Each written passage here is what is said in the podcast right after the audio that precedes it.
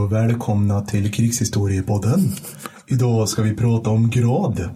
Men inte vilken grad som helst utan Stalingrad. Det är en genialisk inledning på första poddavsnittet. Där tror jag att skratten klingade ut bland våra lyssnare. Ja, Visst kan det vara så? ja så kan det vara. Välkommen till Krigshistoriepodden. Du heter Mattis. Jag heter Mattis. Jag heter Per. Ehm, Jag tänkte att för första och kanske enda gången i den här poddens historia ska vi presentera oss. Och sen gör vi det nästan aldrig mer. Nej, och vi ska Nej. vara transparenta en gång också. Vi ska vara transparenta en gång och sen, sen bara eh, obskyra saker. Ja, Ja. Eh, vi har, eh, du jag är ju en fantastisk autodidaktisk historiker, en savant. det kan man säga. Du är föreläsare och författare. Ja, ibland. Du har förekommit i böcker och föreläst. Det- det är korrekt, ja. Jag är blygsam också. Ja, nu, nu bygger vi vårt CV här. Jag förstår, jag förstår, ja. mm. Och jag ska också säga i tillfällig akt och eh, säga att eh, Fredrik Hagelin, vår producent, står här bredvid och stirrar stint ner och ser till att vi sköter oss. Ja. Ja. Eh, Ja, och du är då eh, Per Wallin. Du är krigshjälte och bland annat eh, utkämpat framgångsrikt fälttåg i Afghanistan under ett års tid och även jobbat ett antal år i Försvarsmakten. ja, Ja. det stämmer nog. Ja, Framförallt men- krigshjälte där tycker Ja, jag känns precis. fantastiskt. Men liksom utdelat olika vargliknande leenden under sköldmuren i Kandahar. eller något sånt där. Det är så jag tänker över det. Alltså bronsålderskrigföring. men ja. Eh, nej, men och sen så, jag vet inte, vi skulle vara lite transparenta också. Det är att vi båda jobbar på Pennan och svärdet. Ja, precis. Ja. Vi står i deras studio tack vare dem. Men vi gör det här helt själva. Ja, precis. Och vi kan väl också vara transparenta med det att vi hade en podd för Pennan förut. Ja. Eh, men sen fick båda barn var för sig. Liksom, så då blev, Ja. gick inte det längre. Nej, och lärdomen där är att skaffa inte barn. Precis, då kan man inte podda lika mycket som Nej, man vill. exakt, det är det man vill här i livet. Eh, ja, men fine. Då så. Ja, det är väl det. Vi, vi kan väl säga så här också att under... Vi, jag, jag tänker vi gör ännu enklare för lyssnarna. För nu, du vet, eh, koncentrationsspannet hos dagens människor är ju så otroligt kort. Ja. Så de, de vill ju se oss som arketyper. Då kan vi säga att du är den här eh, lugna, lite längre glasögonprydda med fantastiskt skägg. Det ger vi varandra en massa komplimanger. Och eh, du är ohemult insnöad på lite kanske de här lite äldre krigen. Andra världskriget, första världskriget. Ja, Ja, och jag kommer som någon form av ettrig semiprogramledare eh, leda in på modernare krigföring. Kan vi Ja, säga ja så? men precis. Så det, det innebär ju liksom att oavsett vad vi pratar om så kommer jag alltid försöka styra in det bakåt liksom till 1917 och någon skyttegrav och du Mm. kommer snarare försöka styra in det framåt till liksom, ja, något, vad man nu gör nu för tiden. Ja, precis. Ja. Och sen förenas vi i ett helt så här oförblommerad kärlek för alla de här skummaste krigen under kalla kriget. Ja, precis. Ja, ja exakt. Men Hipsterkrigen kan vi kalla dem. Det tycker Ja. jag vi sätter som term redan här Det gör vi absolut. Vi kommer be folk att mejla in över hur många krig de inte har hört talas om. Ja, Och då känner vi en vinst där. ja precis. Inbördeskriget i Angola till exempel. Där, absolut. Ja. Eh, Nagorno-Karabach-konflikten. Ja. Där, där kan ni suga på det. Lyssnare. Vill du komma i kontakt med oss så gör du det på krigshistoriepodden at gmail.com. Det är med två d Krigshistoriepodden at gmail.com. Det går också bra på vår Facebook-sida, Krigshistoriepodden. Eh, sök på den på Facebook. Vi finns även på Twitter och Instagram under at krigshistoriepodden. Eh, men Mattis, Ja. vi ska prata om Stalingrad idag. ja, vi ska vara publikfriande idag. Ja, verkligen. Börja peppigt, Ja, tänker jag. eller hur? Mm. Vad, jag, jag tänker så här att varför är Stalingrad in, Du får två frågor. Mhm, varför är Stalingrad intressant och vad, vad var staden Stalingrad? Varför var, Mm. hur var den? Nej, men alltså, Stalingrad är intressant dels för att man, man gör ju det här alltid så här efteråt när man pratar om historia. Att eh, man, man försöker hitta vändpunkter hela tiden. Och när det gäller andra världskrigets östfront så är det liksom tre platser där, man- där man kan tycka att ja, men här, det var någon av de här vände. Antingen Moskva 41, Stalingrad 42 eller Kursk 43. Och sen är det väl det där också att Stalingrad är liksom det är så jäkla dramatiskt. Liksom. Alltså att man, man tar 41, står Moskva utanför Moskva. Då är liksom, tyskarna anfaller, tillfogar ryssarna och förfärliga förluster. Och sen kommer vintern och leran eh, i omvänd ordning. Och sen så lerar de och fryser de fast. Och sen så kommer liksom en sovjetisk motoffensiv. Men det, det, är liksom, det, det är inte, det är på något sätt att allting bara tjorvar ihop sig på grund av logistik och så vidare. Medan eh, Stalingrad 42, det är liksom verkligen det här dramat, det här eposet. Det är ett tragiskt epos, men det är verkligen ett epos. Det här med liksom liksom hur Röda armén trycks tillbaka till Volgas västra strand. Helt utkollrade, har det jättesvårt, strider som fan. Och sen så helt plötsligt blir tyskarna omringade och instängda i en jätteficka. Också en ficka som de väl får överlever.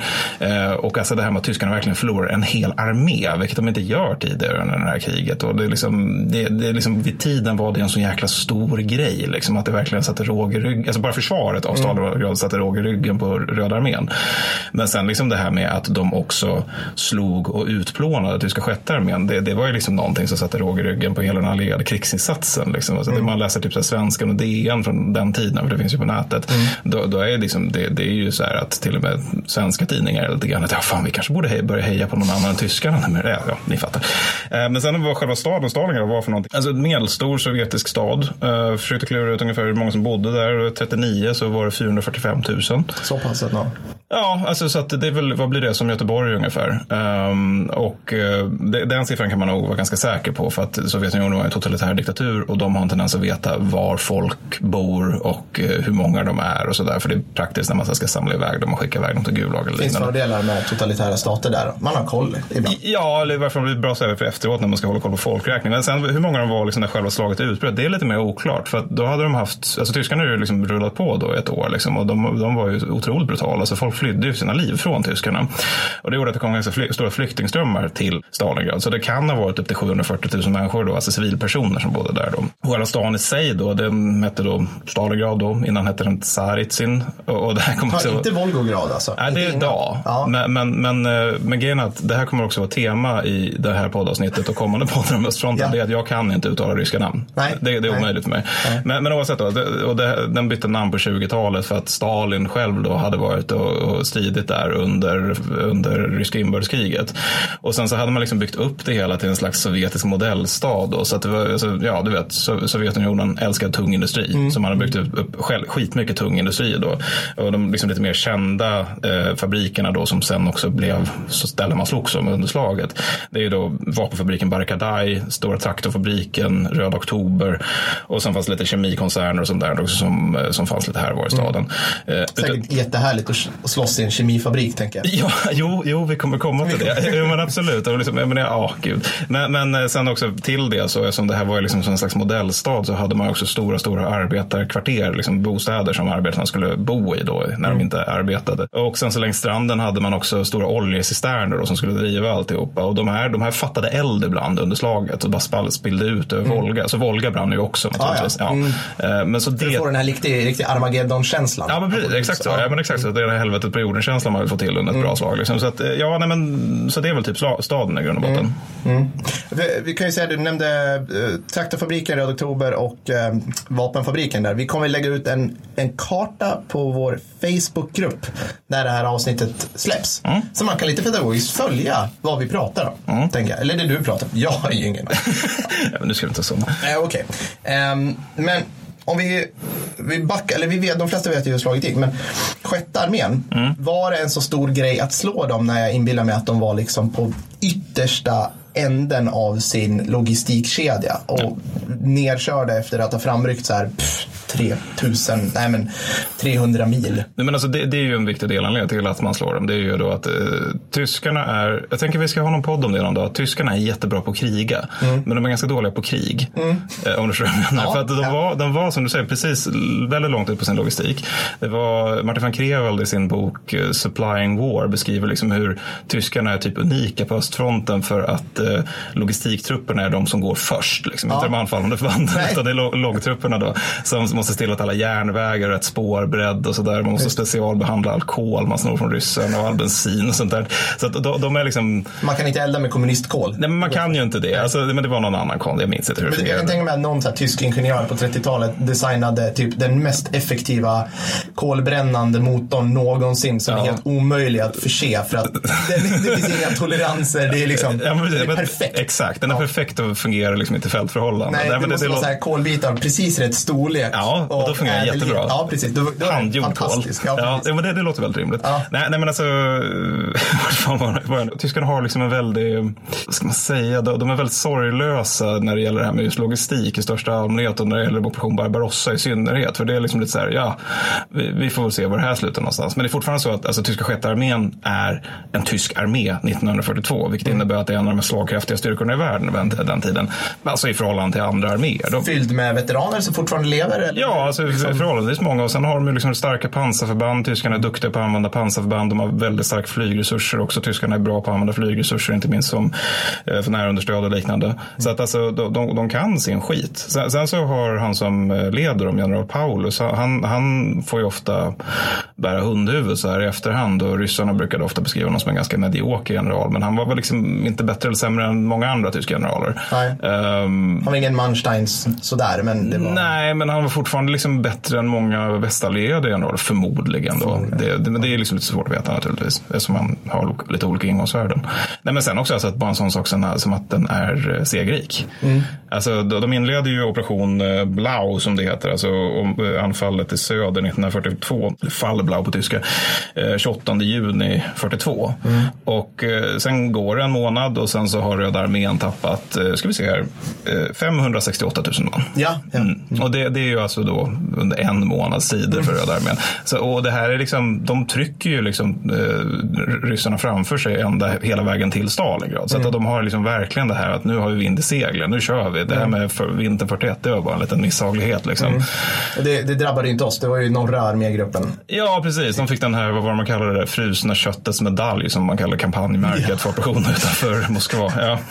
Eh, ja, det är lite dystert sådär. High också- five utan fingrar. Exakt så. Men det, det, det är en bra styrka som, som också har, är liksom, ja, men, välmotiverade och har liksom lite anda. Sådär. Mm. Och varför skulle de ha Stalingrad? Det blev, vad jag förstått så var det till stor del liksom att man, det var en, en, annan sovjetisk stad man skulle ta. Och sen så har jag fått intrycket lite grann att man, man, när man inte tog den bara rakt av som man gjorde med typ Odessa eller Tula eller Sevastopol. Alltså det var ju hårda strider där också. Men alltså att man, när man inte tog den så började man liksom bygga på allt fler orsaker till varför man skulle ha den. Alltså, något som ofta anförs är att det var en stor propagandagrej. Liksom att Hitler vill ha Stalins stad. Ja. Och sen så Hitler själv snackade om att det var liksom en viktig led, så där, en viktig, viktig flodled med Volga som försåg, försåg resten av Sovjetunionen med en massa viktiga saker. Och det var ju en tung industristad så att, som hade byggde stridsvagnar. Så att liksom, liksom, vi vill ha en stad. Men sen ju längre man slåss om den, desto viktigare blir det att ta den naturligtvis. För att då har man ju satt in så mycket förband så att, och förlorat så mycket folk att då, då, då växer liksom behovet av att ta den i takt med förlusterna kan man säga. Det var alltså inte liksom porten till Kaukasus och oljefälten? Jo, det var det ju också. Men samtidigt så invaderade man ju Kaukasus. Liksom, så Ja, att det, Samtidigt. Ja, de, de hade ju um, eh, trupp nere på vad heter det, Mont eh, Erebus eller Ebrus eller något sånt där. Eh, Erebus, det är Lussa sagan om Ringenberg va? ja, det kan det vara. Det är också floden, det är någon flod i romersk mytologi när man går över, går över till dödsriket. där. Just det. Ja. Eh, Nej men visst, alltså, så visst, port till Kaukasus och så vidare. Men, men mitt intryck, och här, får, här kommer ju liksom lyssnaren höra av sig ifall jag har fel. Men det är att den ändå var liksom inte så viktig i förhållande till, till liksom andra sovjetiska städer. Eller hur mycket liv man sänkte ner i den. Nej. Nej, jag förstår. SIB kommer ju vara återkommande i det här avsnittet, alltså strid i bebyggelse. Ja. Och det heter ju i dagens parlör mot Military Operations Urban Terräng, Urban Terrain, som då, alltså Försvarsmakten idag har helt rakt bara översatt militära operationer urban terräng. Hur såg det ut sådär 1942? Nej. Nej, men alltså det tycker jag, det, jag läste någon artikel om det här nu innan om, om eh, sovjetisk smågruppstaktik i under strid och bebyggelse. Ah. Eh, Härligt. Apropå nördig lektyr. Synnerligen. till. Ja, men det var typ så här Slavic Journal of Military History eller någonting. ja, ni, hör själva, alltså, kioskvältare verkligen. Ja, ja. Nej, men, det, men, men, men det är ganska intressant det där, för att alltså, idag, när jag lumpen så gjorde jag det på eh, sjätte kompaniet på Livgardet, vilket var stadsskyttekompaniet då. Så allt vi gjorde var att öva SIB. Och Mm. det de sa till oss var ungefär liksom, att det här är det som är modernt krig. Mm. Man, man kan vara ute och hänga på ett fält, liksom. men vad ska ni med det till? Det är Mm. ju städerna allting viktigt finns. Typiskt Stockholms inställning. Ja, precis. Liksom, Stockholm och där de liggande fäbodar. Nej, det är så. Men, men på 40-talet var det här liksom inte alls, det var inte, man hade inte samma insikt om det. För att alltså, som alltid är det ju att man under andra världskriget tar lärdomar från första världskriget. Mm. Och då är det, visst, det förekommer strid i stad, men, men alltså, den som vet någonting om första världskriget är att i väst är lervälling och skyttegravar och i öst är det stora operationer och rysk kollaps. Mm. Det, det, är liksom de två, ja, Österrikes kollaps också. Mm. Det är de två konstanterna. ungersk triumf skulle jag vilja säga. Ja, givetvis. Ja. Måste ha en podd man, man invaderar saker som Galicien och andra så fiktiva platser känns det som. Ja, mm. förlorar en tredjedel av armén. Ja. ja, nej men det är viktigt. Där. Nej men alltså, så, så man, man, har, ja det gör det definitivt. Nej, nej, men man har, så man har liksom inte så mycket erfarenhet från förra kriget om, av just SIB. Alltså det finns liksom några slag sådär som utkämpas i städer. Men det blir aldrig den här liksom, liksom Stalingrad eller om man tar moderna exempel Grosny eller Fallujah, alltså det här stora töskverket där man bara slåss kvarter till kvarter i flera månader. Så det gör att man, reglementena för Röda armén på 20 och 30-talet, de nämner eh, alltså inte strid i bebyggelse utan strid kring bebyggelse snarare. Så att, mm. så att de, de beskriver liksom i en bisats att ja okej okay, men så kan man ju hamna i staden också. Men det, det, som de ser saken så är det, det man ska göra att slåss utanför staden. Mm. Um, så så att mycket, av deras fokus i hur de utbildar soldater och så vidare det, det, är liksom att ni ska vara framför staden och där ska ni möta och slå fienden. Mm. Och sen om ni kommer in där, ja då, då, då har vi inte så mycket vägledning är jag rädd. Och det, knäppa, eller det lite intressanta är att tyskarna har ungefär samma, samma inställning. Så. För att de, återigen, Tula, Odessa, Sevastopol, bra exempel. Mm. Städer eh, tyskarna tar, mm. men också städer där de, där de framförallt förgör fienden utanför staden. Okay. Eh, som ryssarna hänger utanför de, staden. De vill strida utanför staden helt enkelt? Ja, och, och eh, det, det, blir liksom aldrig av de där stora stadsstriderna då inuti städerna. Och det gör liksom att ingen deras sidan har riktigt hunnit lära sig vad SIB är för någonting Nej. när man väl kommer till Stalingrad. När man väl kommer till Stalingrad får man sen lära sig vad SIB är för någonting. Mm. Raskt. Ja, men precis. Men alltså, så det blir liksom så här, lite så här amatörernas afton. Det, det, blir väldigt improviserat. Alltså att båda försöker i enlighet med reglementet att, att angripa på bataljonsnivå och högre upp. Alltså till exempel så har de ett anfall mot traktorfabriken i september där tyskarna kommer med, jag tror det är alltså fem divisioner och alltså det är traktorfabriken och anhörande arbetarkvarteren. Då. Så det är fem divisioner plus liksom ett otal bara olika avdelta pionjärregementen, ja. ingenjörsregementen och sådär. Och så håller ryssarna med fem divisioner. Så det är liksom jätte, jättestora förband som slåss i de här väldigt eh, alltså, olämpliga förhållanden för jättestora förband. Ja.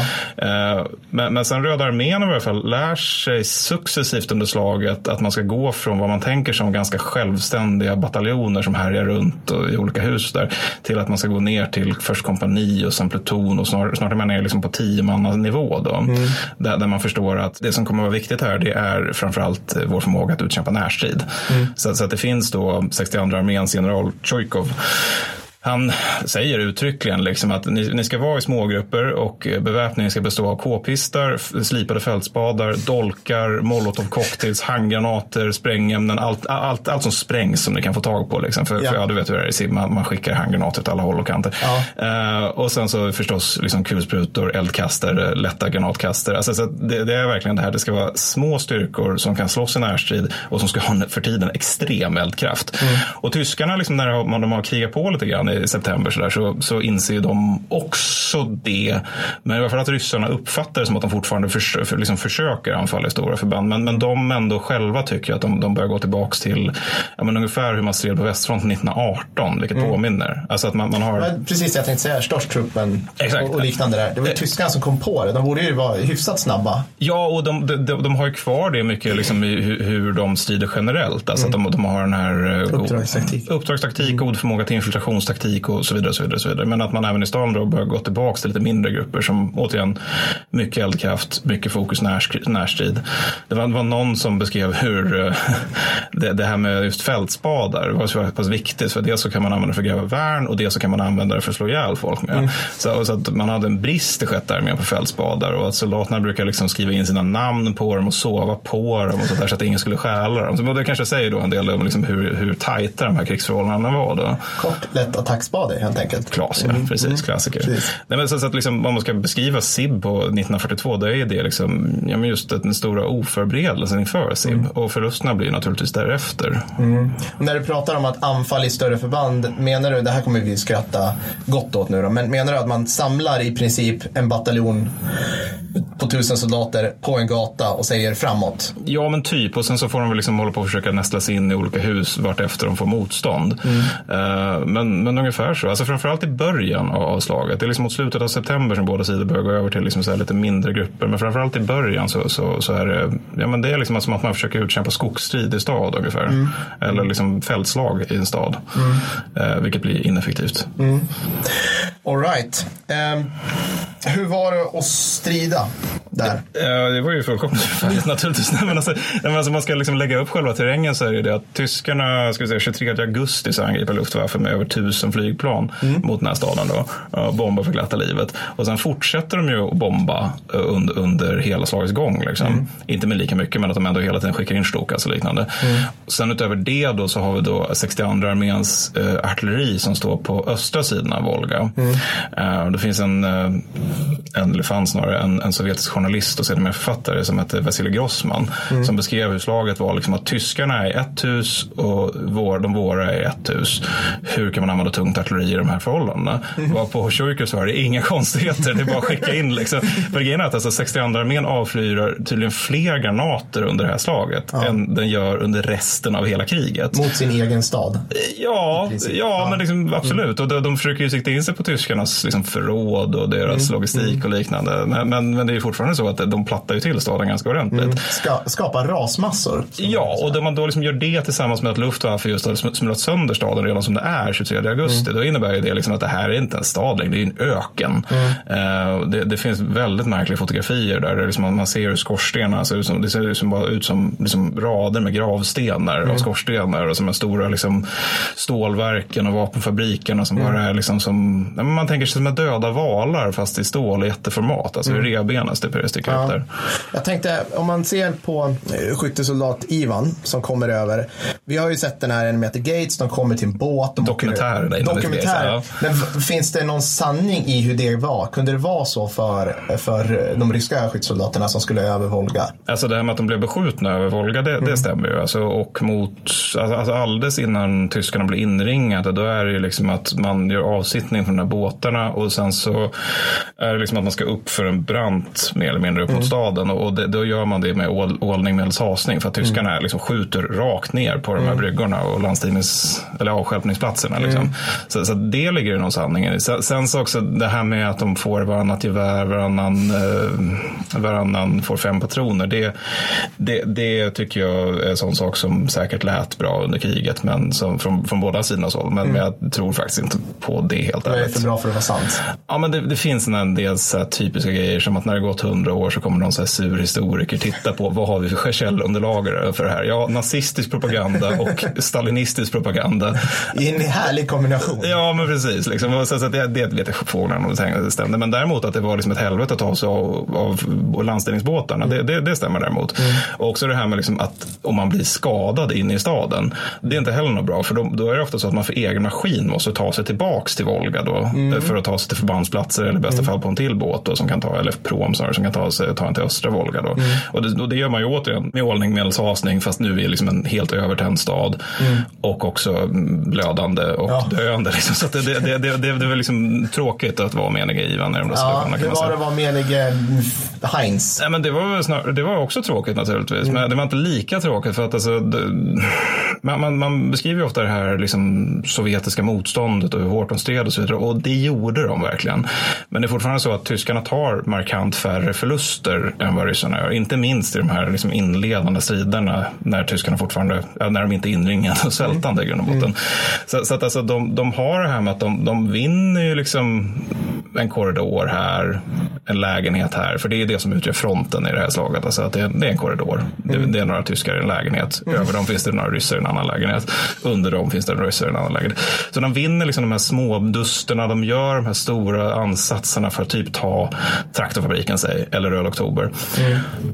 Eh, och det, det, tar man och förlusterna är förfärliga och de är ännu värre för ryssarna. Men man har ju liksom vid det här laget, via Fall Blau, så har man ju vant sig vid att det, det går inte så här trögt. Nej. Och sen är det också det här med att i, i september så börjar det redan bli kallt. Mm. Och då minns man förra vintern mm. och det var ingen bra vinter. Nej. Um, Men så... nu kommer ju allt bli annorlunda med ja, gott om vinterutrustning och ja, Ja, gud, ja, precis. Mm, gott luft, luftunderstöd och så mm. vidare. Nej, nej, men alltså, så det, det är väl mardrömslikt men inte minst just frustrerande. Liksom. Mm. Alltså de, de, beskriver mycket, alltså de beskriver själva hur häpna de är över att Röda armén gör så hårt motstånd. Mm. Alltså det är någon som beskriver att det liksom aldrig förekommit något så här liknande i krig överhuvudtaget. Nej. När han har varit och grisat runt i traktorfabriken ett tag. Mm. Och hur de, jag tror det är de stred om, jag tror det var vetesilon, där, där liksom tyskarna angriper med våg efter våg efter våg. De, de, de, de möter vad de tycker är liksom otroligt förbittrat motstånd. Mm. Lyckas inte ta skiten, angriper igen. Och sen så där inne så liksom är det ett gäng ryssar då som sitter och typ inte har vatten och lever på lite bränt havre mm. i dagar. Um, och sen när tyskarna kommer in då så hittar de inte mer än 40-50 sovjetiska stupade. Och då, när de inser det då blir de liksom helt matta. Ja. All den här ansträngningen för de här, den här förstärkta plutonen. Det, ja ja, men så att, ja, typ så var det väl ungefär. Det är försvararens eh, stridsskådeplats? Ja, det är det. Absolut. Mm. Det och ingenjörssoldaten. Alltså mm. ingenjörssoldaten är ju kung i den här typen av krigföring. Alltså, han har ju med sig alla de här sprängämnena och eldkastarna och allt det härliga som, som är bra i närstriden. Och mm. sprängstriden skulle man nästan kunna kalla det. Mm. För alltså utöver då, som sagt, som sagt så hade de inte så mycket ryssarna i reglementet om hur man skulle slåss i stad. Men det de faktiskt hade och det som kommer liksom order från Moskva det är liksom att varje jäkla hus ska bli en fästning. Mm. Så liksom, leta reda på dem, ta hög, hög terräng så att säga, ta, ta några våningar upp. Liksom. Gör det till en fästning av sandsäckar och elände. Och så mm. dessutom gräver de liksom värn och bunkrar och skit i gatorna. Så ja. det är liksom verkligen att springa rakt in i ett getingbo. Mm. Så det var, det var någon jag läste som han gnällde över att ryssarna inte hade så mycket till djupförsvar. Men grejen är att djupförsvar på 400 meter under de här förhållandena, det är ganska mycket. Det är mycket. Mm. Ja, men det blir mycket att jobba igenom om man ska mm. anfalla det. Mm. Ja. Eh, jag tänkte ju hoppa in här lite grann. Vi pratar om vad det krävs för att ta en stad. Vi pratar om fem divisioners anfall och sådana saker. Och så kanske man tänker sig, ja men det här är så sinnessjukt mycket. Men Ja, det är ju typ så här svenska försvarsmakten idag. Ja, ja, ja Eller mer. Precis, mer, gånger fem. ja. Men Och det här är ju just, just det här att det tar så satans mycket människor. För att vad, om man säger vad en skyttesoldat är, till exempel jämför med att ha eh, meningen Mattis Bergvall på ett fält eh, versus en korridor. En soldat är ju framförallt en sensor och ett vapen. Mm. Och det här tror jag man inte förstår riktigt för att på fält så kan ju till exempel en driven Ivan eh, hålla nere en typ tysk grupp som anfaller, en Wehrmachtgrupp som anfaller. Och vice versa kanske en driven Heinz kan hålla ner, nu är jag lite fördomsfull här, men kanske en, en rysk pluton till och med. Men, ja. men för, att, för att göra motsvarande, alltså ta och hålla terräng i stad så krävs det så otroligt mycket mer människor för att du har så mycket kortare siktförhållanden. Mm. Och du och jag vet ju hur man till exempel tar ett, säg ett vanligt trevåningshus, bostadshus. Ja. Ja. Då måste man ju då först gör man inbrytning. Sen tar man trapphuset hela vägen upp. Mm. För att du vill, du vill vara högst upp i huset. Och då kan man ge sig fan på att det är två killar längst upp som sitter med låda handgranater ja. och gör ja. jättejobbet för alla som ska upp i det. Fruktansvärt jobbigt. B-styrkan vinner alltid när man gör sådana här grejer. Yes. A-styrkan blir alltid utplånad. Det är jävla deppigt. Men och det krävs framförallt då, säg, säg, att de här är inkompetenta, de här två snubbarna med handgranater uppe, så man tar dem till slut, vilket man kanske gör om man trycker in tillräckligt mycket människor. Då ska ju på varje våningsplan, varje farlig vinkel, alltså nästan varje dörr ska hållas av någon. Det ska alltså sitta en styck skytt och titta på den dörren med sitt vapen riktat mot den mm. hela vägen upp. Är, är det här ja, vad heter Turning Torso i Malmö. Då, då, kan vi, då kan vi trycka in hela Försvarsmakten där i princip, hela ja. vägen upp. Och sen när du väl är där uppe, då ska du förgrena dig ut i korridorerna för att som det heter så fint i marknadsreglementet, trycka ut fienden. Mm. Och Ja, det, det, är bara att föreställa sig. Till, du sa att det var stort som Göteborg ungefär, Stalingrad. På Något, något sånt, ja. Ja, så det tar, det tar så fruktansvärt, fruktansvärt lång tid. Och jag har faktiskt, jag tänkte citera eh, lite grann här som jag tror stryker din tes. Det här är eh, Försvarsmaktens handbok Markstridsreglemente bataljon och jag citerar. Mm. Centrumbebyggelse kan utgöras av äldre stenbyggnader eller moderna byggnader. Vi, vi spelar just nu in i en, det man kallar centrumbebyggelse. Stenbyggnaden erbjuder gott skydd mot flertalet vapensystem, särskilt i källare eller bottenvåning. Innerväggarna har ofta god skyddsnivå. Insatser med artilleri eller flyg kan innebära att rasmassor förstärker skyddet i de nedre delarna av huset. Eh, ofta krävs insats med skyttegrupp för att rensa städbyggnaderna årtusendets underdrift. Den sista ja. meningen skulle jag säga. Så att man bombar, det, är liksom, det är så omöjligt att vinna om man inte liksom kommer nära och slår personen i huvudet med sin spade, Ja. mer eller mindre. Ja, men det, är också, det är också lite unikt för modern krigföring. För alltså, I och med att typ första världskriget har infanteri blivit som du säger en sensor och sen någon som vaktar pjäserna. Mm. Det är typ det infanteri är. Och, det, det, och det är liksom bara så det är. Indirekt eld är den stora dräparen i krig. Liksom, så att alla krigsfilmer gör fel där. Ehm, men just i SIB så är det ju på något sätt att man kommer tillbaka till det här verkligen att det blir liksom soldatkrig. Alltså att det, det är det här på sätt att medel, medelstridsavstånden ligger på vad är det, typ så här 10 meter eller någonting i modern SIB. Ehm, på ett sätt som är ganska ovanligt i modern krig under andra förhållanden. Det är som man inte kan liksom hålla på och härja runt lika mycket med indirekt eld och stridsvagnar och så vidare. Nej, precis. Oss lär de ju mycket i Försvarsmakten att spring inte utan gör, låt ditt vapen göra jobbet. Så hitta en bra eldställning och, och eh, ja, slå ut motståndarna eller, eller dominera terrängen på något vis. där. Spring inte så mycket, men här måste man ju springa för att ens vapen verkar så himla kort. Och som vi läser det så är det ju liksom att försvararen kommer alltid ha kommer alltid ha fördelen på många sätt. Det finns en, eh, eh, ja, jag såg, det finns på, det finns på YouTube. eh, nu ska jag se här, jag tror det är andra slaget om Fallujah. När eh, hela amerikanska, det här är 2006, amerikanska koalitionen har lämnat Fallujah, dragit sig ur och eh, av någon anledning låtit eh, insurgenter, rebeller, terrorister, kalla det vad de vill, ta sig in och befästa hela Fallujah. De har gjort fällor i vartenda hus och liknande. Och sen ska USA ta tillbaka den här staden. Och då skickar de in Marines bland annat. Och det finns en spännande grej där de, det, det är ett litet sketet, liksom, jag tror det är ett tvåvåningshus med ett tak. Eh, tänk dig så här klassisk bebyggelse i typ ja, den delen av världen, Ja. liksom, i stad. Det, ja, det, det är tegel helt enkelt.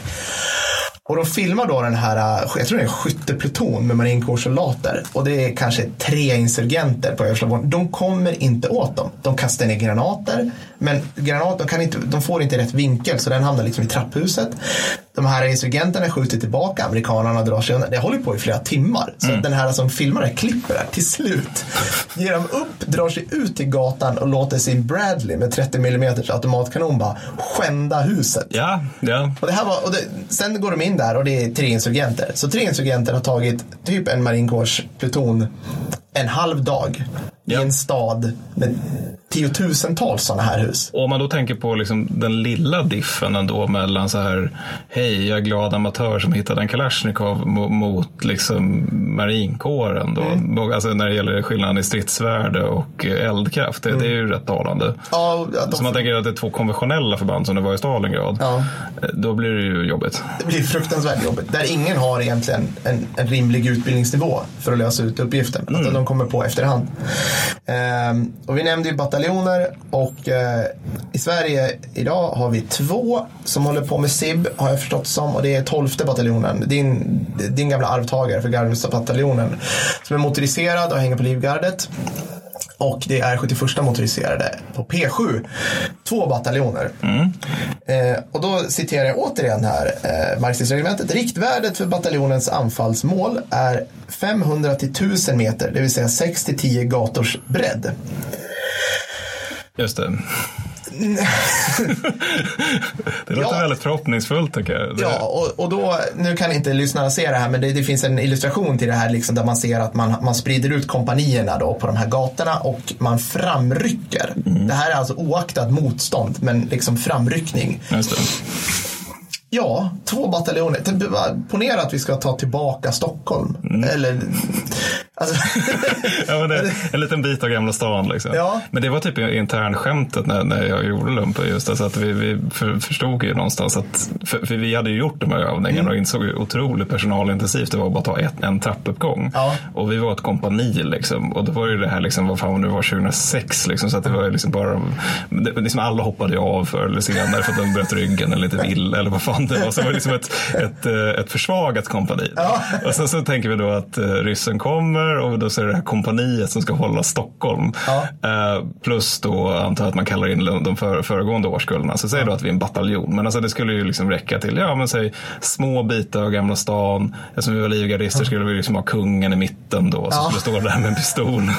men, det är på, liksom på den nivån det hade varit. Precis. Alltså, det har ju aldrig gått. Möjligtvis hade vi kunnat försvara hyfsat bra. Men även det hade ju varit svårt eftersom det liksom, ja, vi var så få. Ja, och det, det, känns så, eh, det känns så utkastat. Jag, jag läste faktiskt, jag tror du och jag är inte de enda som drar den här slutsatsen. Nu blir det ett litet stickspår, men det, jag läste en, en artikel på Kungliga Krigsvetenskapsakademin om att framtiden är mycket möjligt att vi kommer liksom ha kringströvande stridsgrupper i Sverige som skyddar eh, territoriet. Jaha. Så att, att liksom säga att konventionell högintensiv krigsföring eh, mot, ja, mellan jämförbara, motstånd, eller jämförbara parter så kommer man, så är ytan så pass stor och städerna är så pass stora att det går liksom inte att, att hålla linjer på något meningsfullt sätt. Nej, Utan det. man kommer ha sammansatta stridsgrupper som rör sig över ytan och försöker utmanövrera och slå varandra. Mm. Och kanske håller så här strategiskt viktiga punkter. Men det kommer vara, de är ju så pass utsatta för all typ av eh, långräckviddig fjärrbekämpning. Alltså artilleri,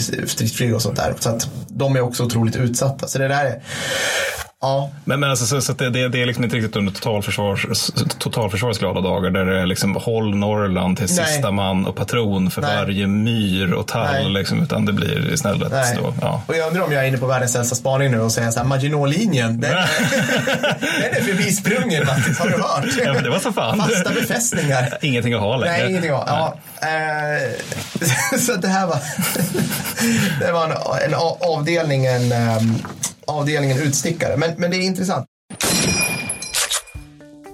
Tack Bofors! Eh, ni är inte bara den, denna podden möjlig, utan med er 3P-ammunition blir stridbebyggelse en barnlek.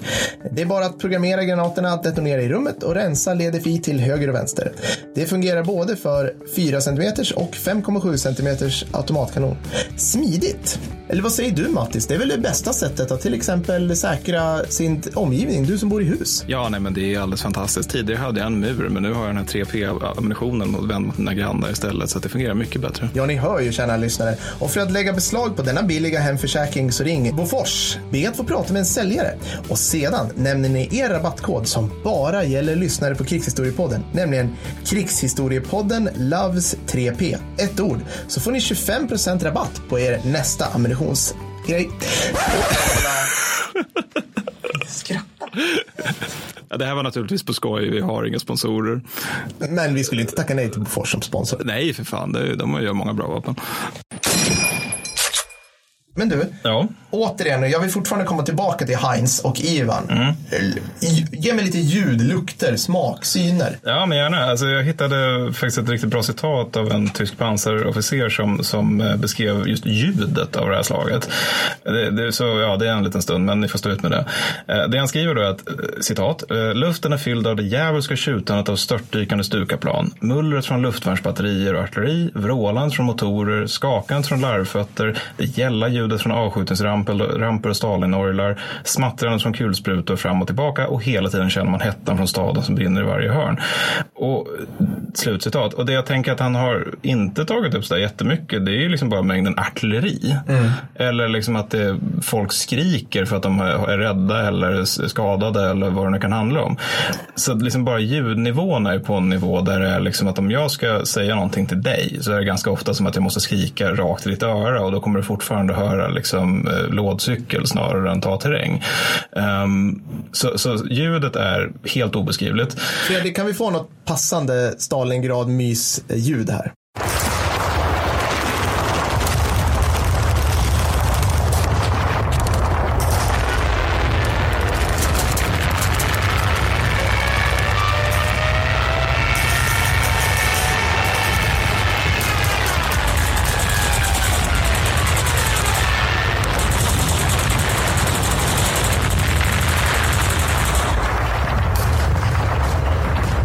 Var en eh, sovjetisk officer som hette Nikolaj Batjuk som ehm, han var på väg över till över Volga den 20 september. Och han beskrev liksom hur han hörde ljudet av slaget väldigt, väldigt långt innan han egentligen såg det. Och han beskrev det som att det var som att det var någon väldigt, väldigt stor person då, som stod med en mycket stor hammare eller slägga och slog den upprepade gånger mot en, eh, en eh, kopparplåt eller liknande. Så, så att ljudet är förmodligen helt obeskrivligt obeskrivligt och ingenting som liksom, vi egentligen kan tänka oss. Men, men, det är ju en sak och den tror jag ändå man tänker på när man tänker krig väsnas ganska mycket. Och krigsfilmer och så vidare. Ja men precis. Mm. Men, men någonting som de inte får med i krigsfilmer det är ju alltså lukten. Alltså den jävla stanken av det här slagfältet. För att när de har krigat på ett tag då har det ju gått månader. Uh, och, det, och det är ingen som har städat undan alla stupade till exempel. Eller liksom, man har väl gjort så här lite. Slarvigt. Ja, men liksom att man har, man har tagit några och kastat ner dem i något, något dike eller någonting. Men, men, men, det ligger ju lik precis överallt och det, det här det, det, luktar ordentligt. Liksom. Men sen också mängden sopor. Mm. Alla äter ju här liksom. Och sen så soporna från staden som inte plockas upp längre. Alla skiter överallt också. Så det finns ju latingropar precis över hela staden.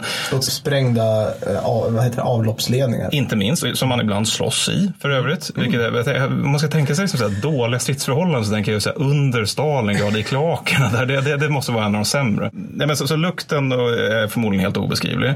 Och sen också det här med synen. Det, det, är också någonting jag tror man har lite svårt att tänka sig. Men någonting som väldigt många som var med i det här slaget beskriver är just hur lite man såg. Mm. Alltså dels handlar det om det du beskriver, korta stridsavstånd. Men sen beskriver, beror det också på att det är så mycket som smäller på så många platser i den här staden. Och staden förintas liksom hela tiden successivt. Så det är extremt mycket damm. Det, mm. det är dels gult damm och sen så är det rött damm från tegel. Och det här just det här gula och röda dammet beskriver typ alla när det är anfallsoperationer på gång. Att, liksom att tyskarna, ja, man säger vi traktorfabriken återigen, säger okej okay, pojkar, dags att tuta och köra, nu anfaller vi. Och sen så försvinner de bara in i ett moln mm. och ser liksom nätt och jämnt handen framför sig, absolut inte stridsparskamraten bredvid sig och definitivt inte ryssarna som skjuter på dem. Och sen utöver det så brinner ju allting också. Mm. Så, så det är ju rök precis överallt. Så att det gör liksom att man ser nästan ingenting. Var någon sovjetisk soldat som beskrev det som att vi anade och hörde fiendesoldaternas steg och deras andning, men vi kunde inte se dem på grund av röken. Vi stred på gehör. Ja. Ja, men det är lite risigt sådär. Liksom. Ja. Så, det, det, det får, det, ja. Nej, men, så, så, att man, man hör ingenting på grund av allt artilleri. Eh, man ser ingenting på grund av all rök. Och dessutom så har man det här också att man eh, hela tiden är helt överbemannad av hur mycket staden stinker. Och dessutom så är det här sista dagen känsel. Mm. Smak lyckas jag inte hitta så mycket av. Men, men känsel, det, det är också att alla vet att det här var ett kallt slag, men det gäller ju framförallt då alltså från typ november och framåt. Då är det jätte, jättekallt och 20-40 minusgrader. Men i början är det istället ett extremt varmt stad, att det eh, varmt slag. Att det är många soldater som beskriver hur det är liksom hela tiden man känner bränderna omkring sig, liksom hur det sticker över huden och sådär. Och att det, det, det, är eh, uniformerna småryker och har sig. Så, att, så att det, det är mer värmen av slaget. Mm. Det var han Batjuk som, eh, som skulle Volga och beskrev det som de här stora kopparslagen. Han beskrev också liksom hur det var att se det hela från eh, några kilometers avstånd. Att se den här stora kullen som fanns i staden, Mamajev Kurgan. Att det var liksom som en vulkan verkligen. Mm. Alltså att det är bara krevadmoln precis överallt och precis hela tiden. Och om man ser det och tycker att det här ser ut som en vulkan att vara i den skiten och mm. hålla på och liksom grisa runt där bland värnen och de döda och så vidare. Alltså just bara liksom värmen från allting. Det, det tror jag är en klart underskattad del av det här slaget. Mm. Så, så, det är väl några av de här suboptimala bitarna av våra strider i den här döende staden. Mm. Vet man någonting om hur förbanden leddes? Just, just det, hur, hur gav man anfallsmål? Hur, hur... ja, alltså mitt intryck är att man försökte väl göra som man gjorde även ute på fältet. Alltså att det, det finns en stabsplats. Eh, den skickar ut order via radio eller telefon. Telefonkablar skjuts ju av hela tiden mm, naturligtvis. Löpare. Löpare och de skjuts ihjäl hela tiden. Mm. Um, och att det är ungefär så. Sen så återigen i de här sovjetiska mm, smågruppsartiklarna jag läste så, så, var det, så påpekade man det också att Eh, i just den här typen av strid så är ju initiativrikedom mer eller mindre allt. Mm. Så, så, att alltså på smågruppsnivå så, så är det ju, handlar det mycket om att okay, vi skulle ta det här rummet och så är det en korridor och sen så är fienden på andra sidan korridoren i ett annat rum. Men vi har liksom lite ångan uppe här och vi har massa handgranater så då kan vi gott ta det rummet också. Alltså Mm. att det, man, man är rätt duktig på, på båda sidor att hela tiden liksom agera på Mm. fötterna. Så. Eh, jag fick säga lite känsla av, alltså det, det är en lite lustig grej, eller märklig grej kanske, men återigen han Vasilij Grossman, journalisten, han beskriver hur man efter slaget, efter ryssarna hade vunnit, då, så var det ganska många soldater som kände en ganska stor nostalgi för Stalingrad. Och då pratar de ofta om att det var liksom en unik känsla av samhörighet och känsla av att vi vet vad vi strider för och liksom det här är mina bröder som jag ligger och trycker i det här värnet med och så vidare. Men, Lägenhet 18B. ja men precis, vi är för evigt. 18B, Ja. vi, vi liksom, vi, vår, vår pluton som ligger liksom intryckt här, vi, vi kommer alltid att minnas varandra som blodsbröder. Men jag slogs lite grann av det också när jag läste om just det här med smågruppstaktik, att det kan ju handla om lite grann också att de hade förmodligen mycket mer lösa tyglar än vad de var vana vid. Just eftersom de måste ha det. Ja, Det går liksom inte att ha någon politisk kommissarie som skjuter dig ifall du tar ett initiativ. Nej. Viss överdrift. Men, alltså det, men, men det var liksom ändå mer drakoniskt ute på stepperna och vad de var vana vid. Jag, bara fick, jag har inga som helst källor för det. Jag bara fick liksom lite tanken att det kanske är också det här med att ja, men nu får vi göra lite som vi vill också, även om vi måste kriga. Ja, men det där, det där känner jag igen ändå. Alltså, Försvarsmakten och tiden man var i Försvarsmakten var ju så att säga inom citationstecken som sämst när man var i de största förbanden. Just det. Alltså det var, liksom, det var tråkigast när liksom bataljonschefen samlade bataljonen om man skulle göra någonting för då, då var liksom allting så yxigt och det var massa väntlägen. Just det, det var de här övningarna man inte fick göra någonting. Exakt. Man bara låg i eldställning i två och en halv timme. Medan liksom plutons och gruppövningar, då var det ju bara helt, det var högt tempo och det var, det var liksom najsigast när man var liksom bara med plutonchefen och neråt. Mm. Kommer jag ihåg i varje fall. Ja, men det är min, mina mycket avlägsna lumparminnen där, typ Mm. så också. Ja. Alltså att annars ligger man bakom ett träd liksom, och väntar när det är bataljonsövning och så hör man att vi vann. Jaha, åh fan, min insats känns tydligare. Ja, men all- allting blir mycket bökigare då, tänker jag. Så att liksom, ja. Alltså fattar du som är, när det är ett antal divisioner som det är i den här staden vi pratar om? Ja. Alltså vi glömmer det, vi vi glömmer det hela tiden. Soldatens lott är ju att vänta och frysa och det- i det här fallet och svettas. Mycket Också. Vi glömmer ju ofta, vi tror ju hela tiden att det är konstant för varenda gök, men så är det verkligen. Ja, men alltså konstant närstrid också. Konstigt. ja. Bra exempel på SIB. Eh, eller bra exempel på dålig SIB. Jag, jag, kan, jag kan inte hålla mig från att tänka just på typ så här Grozny under första Tjetjenienkriget. Ja, ja, men det är ju liksom. så här klassiskt clusterfuck. Ja, precis. För, vi, för vi, vi kommer ju inte ifrån att framförallt svenska försvarsmakten men också eh, tyskarna under den här tiden, de, var, ju, de var ju mekaniserade. Idag är vi ju väldigt mekaniserade. Och där, är ju, där sägs det ju, där har vi förstått nu att så här, pansar utan infanteri är en dålig idé Ja i, eh, i, vad heter det, i bebyggelse. Och bra exempel på dålig SIV, det är Grosnytt för Tjetjenienkriget där eh, ryssarna säger så här, vi tar Grosnytt, vi, vi, hur, vad ska vi göra då? Ja, men vi har utbildningsnivån på våra värnpliktiga och motivationen på dem är så låg så att vi kan liksom inte, vi, vi får inte ut dem ur pansarfordonen, de Nej. vill inte gå. Deras värnplikt har bestått av att veteranerna slår dem hela Ja, tiden. ja, precis. Så att det vi gör helt enkelt, och det här kommer ju det här kommer tjetjenerna aldrig kunna toppa, det är att vi tar, vi tar den här massiva pansarkolonnen, typ någon ja, brigad, och så bara kör vi rakt igenom Grozny och så tar vi, eh, tar vi Stora torget i mitten. Mm. Kanske vi lastar av de bästa skyddssoldaterna så tar vi rådhuset motsvarande. Det är också ett intressant sätt att tänka kring krig. Det låter som att man har spelat Rome Total War. Eller Ja. vi, vi tar torget, då har vi Ja. tagit staden. Det, är nog så de det ser framför funkar. sig så victory points Ja, precis så. att in liksom. Ja, eh, och det som händer är ju att eh, tjetjenierna gör ju fullkomligt eh, hackbiff utav dem genom att använda sig utav eh, ja, pansarvärn på nära håll, eh, RPG-er, minor, eh, kringgångar hela tiden. Så de slår ut de här pansarförbanden helt och hållet. Och det är ju liksom att de, de ryska eh, stridsfordonen, stridsvagnarna, BMP-erna, de kan heller inte dumpa eller elevera tillräckligt mycket för att till exempel slå ut de här. Eh, ja, det havererar hårt. Och precis som du sa förut, tror jag, då var det ju att eh, tjetjenerna är ju eh, också utbildade soldater i det Ja, här de fallet. har gjort rysk värnplikt. Ja. Men de är lite mer motiverade för de slåss från sina hem. ja, precis. Men, men det där är också lite intressant just det du säger med stridsvagnar. För det var alltså, tydligen var någonting man la väldigt stor fokus på i det sovjetiska försvaret. Det var just förmågan att slå ut stridsvagnar. För det är ju på något sätt, det vet ju alla, liksom, att stridsvagnar i stad det är en jättedålig idé. Men det är ju också givet att någon har gjort förberedelserna för att slå ut stridsvagnar.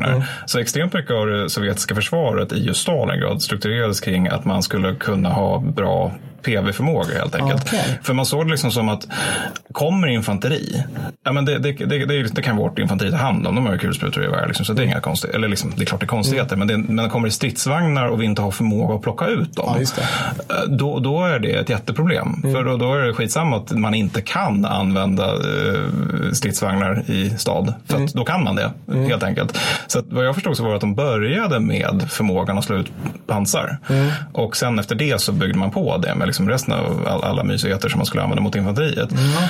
Och, och, det är ju liksom då ledde till att man ganska ofta försökte liksom avskilja de, de uh, tyska stridsvagnarna från det tyska infanteriet. Mm. Så man skulle kunna skära av och isolera mm. dem från varandra för att de var enklare att slå ut var för mm. sig. Liksom. Mm. Så att, uh, det, det, var, det, det, var någon som det var soldaterna brukade kalla Stalingrad för Stalingrads universitets för gatustrid.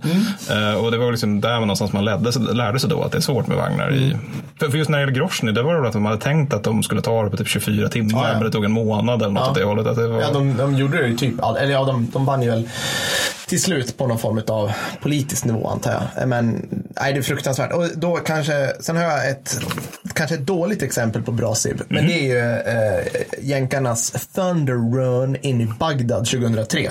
När de så att säga tog Bagdad inom citationstecken, tredje infanteridivisionen tror jag. Bara brände in i sina eh, mer eller mindre oförstörbara Abrams. Men där, där, var ju, där var ju hastigheten, koordinationen ut, och, framförallt utbildningsnivån på eh, framförallt stridsvagnspersonalen var ju betydligt högre. Ja. Och eh, utbildningsnivån på motståndet var ju betydligt mindre. Ja. Helt enkelt. Hur var motståndet i Bagdad 2003? Alltså, det alltså, var, jag... men, jag, jag, jag, tror inte det var speciellt många reguljära förband eh, som satte någon form av motstånd. Men det var ju, det fanns ju sådana här... Eh, Feja din eller de hette?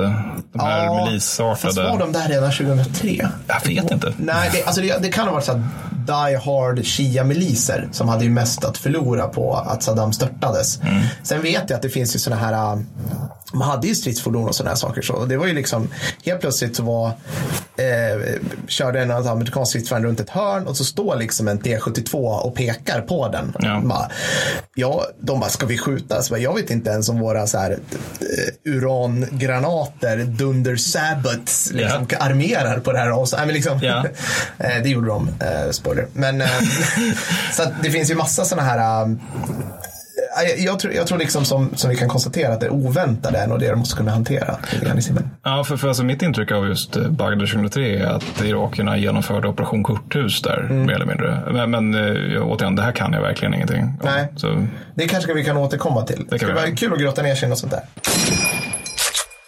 Har vi något mer? Eller, nej du Mattis, vi är inte alls klara. Hur slutade det nu då? Nej, men alltså, det slutar ju det slutar som, som, som alla vet. nej, men alltså, de har ju de här stenhårda striderna i september.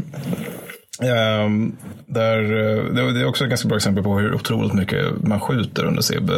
Under september månad så avfyrar tyskarna 25 miljoner patroner. Det är mycket va? Ja, det är jättemycket. Alltså, det, är, det är helt sanslösa mängder.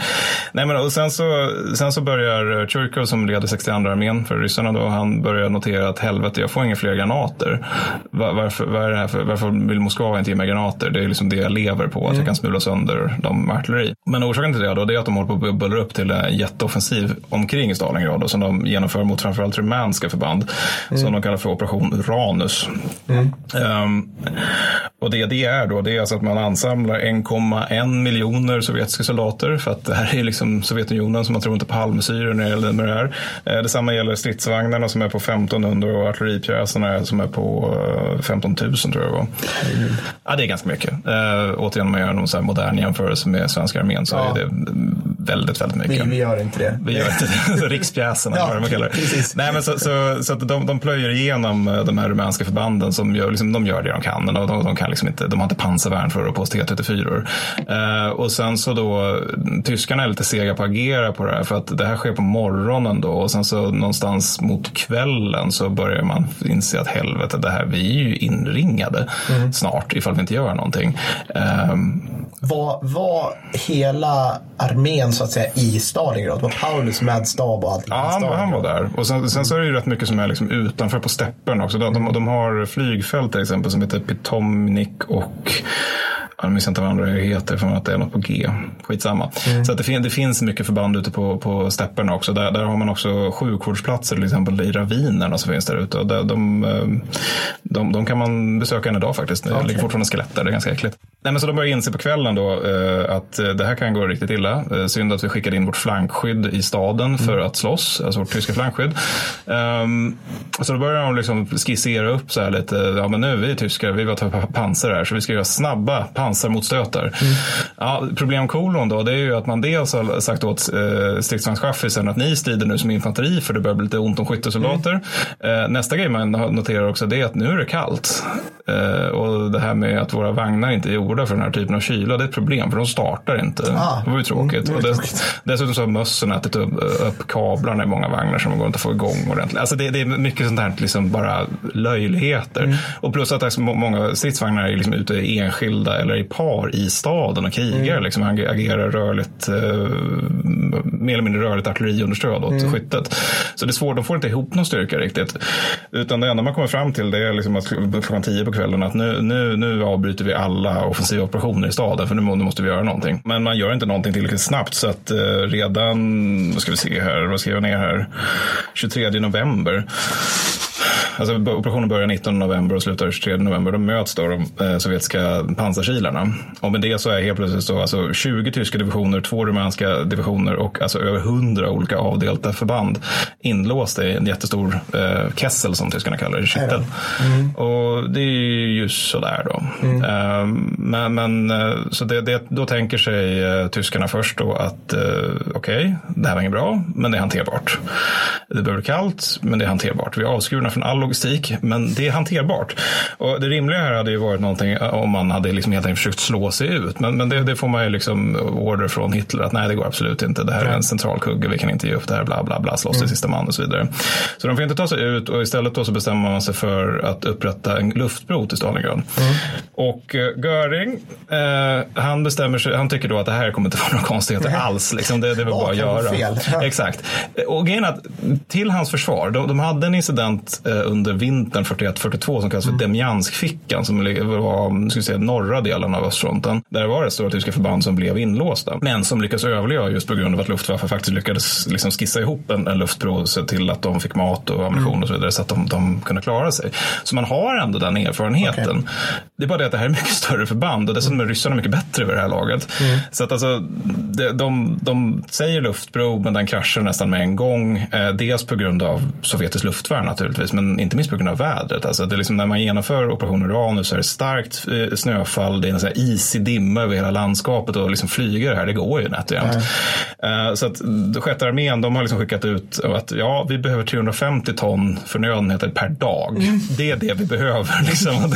Och det är förmodligen så att de, de, de, det är nog inte så att de tar i högre nivåerna då, utan de, de, förstår nog att det här är liksom, eh, det kommer vara lurigt att få in supplies. Liksom. Så att vi, vi, vi, vi nöjer oss med 350 ton. Mm. Um, kan du gissa nu vad man får in istället för 350 ton per dag? Nej, paket tuggummi, ja. ja, men alltså det är på den nivån, för de får in 300 eh, ton per vecka. Mm. Och det är betydligt mindre då. Va? Så att eh, de, de, det, det, här blir liksom inte bra alls. Så liksom det räcker med, med under en månad senare så upptäcker tyska fältläkare att eh, soldaterna dör av svält nu. Mm. Och av total utmattning. Och sen när man obducerar dem då, då, så, då, då så noterar man att de har inget underhudsfett längre. De lider av liksom akut muskelförtvining och sånt där. Så att de, de, det går väldigt, väldigt snabbt när människor börjar svälta på allvar helt mm. enkelt. Uh, och sen bara en sån här sak som att få tag på vatten är svårt att säga. Mm. För att så återigen, alltså Stalingrad är en öken. Mm. Men nu är alltså även bokstavligen talat när det gäller vattentillgången. Um, för att det, alltså vatten, vattensystemen är ju sönderskjutna så mm. länge och det här med att få fram... Renat och... Ja, ja men precis. Eh, och sen så kan man ju förstås smälta snö, men då har vi nästan lilla problem. Det är ju att det helt plötsligt är snö här. Mm. Vi befinner oss återigen i den här ryska jävla vintern och vi, vi har liksom inte riktigt gear för att hantera det på ett bra sätt. Så att det är december, så redan i december är det 20 minusgrader. Mm. Och det här leder ju ytterligare till så här kavalkad av elände. Liksom. Alltså att, eh, eftersom marken då är fryst till så ordentligt så blir bukskadorna mycket fler för granatsplittet split, eh, studsar på kärlen ja. och så vidare. Och det här ja. utifrån sjukvårdsresurser resurser som är liksom noll i december för att ja, de, de får inte in någonting helt enkelt. Så de sitter där och fryser och har det jävligt. Liksom. Tyskarna de sätter igång något som de kallar för Operation Vinterstorm. Eh, det är något försök då från, eh, nu ska vi se här, 57 pansarkåren att de ska slå sig in till, mm.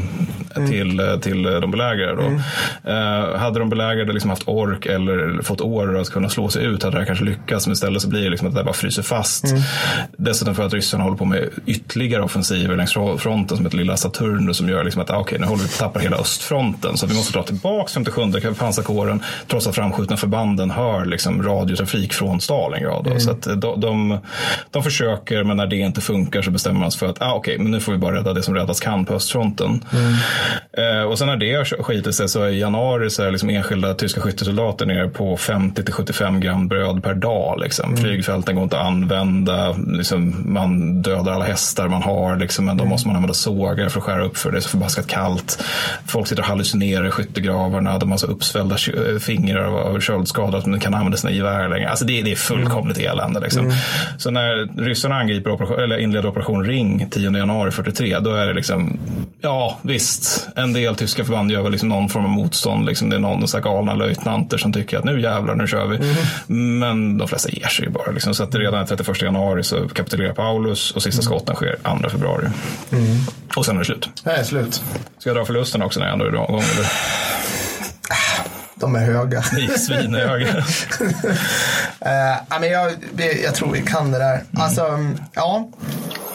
Eh, jag tror vi avrundar på den där peppiga... Ja, eller glad, glad punkt att sluta på. Totalt misär, lidande. Det kommer ju vara så här i den här podden. Ja, alltså. ja, ja, givetvis. Men eh, med, med en viss touch av skojsighet hoppas jag. Ja, eller liksom att vi pratar lättsamt. Mm. Nej, jag vet inte fasen. Jag hoppas inte framstår som okänsligt. Bra. Um, du heter Mats Bergvall. Jag heter Mats Bergvall. jag heter Per Wallin produktion och allting, Fredrik Hagelin. Vill du komma i kontakt med oss så gör du det på krigshistoriepodden gmail.com. Det går också bra på vår Facebook-sida, krigshistoriepodden. Vi finns även på Twitter och Instagram. Eh, nästa avsnitt kommer vi förmodligen prata om varför ryssarna är dåliga på att kriga. Ja, just det. Mm, det ska det, bli kul. Det ska bli jätteroligt. Mm. Hej då. Hej då.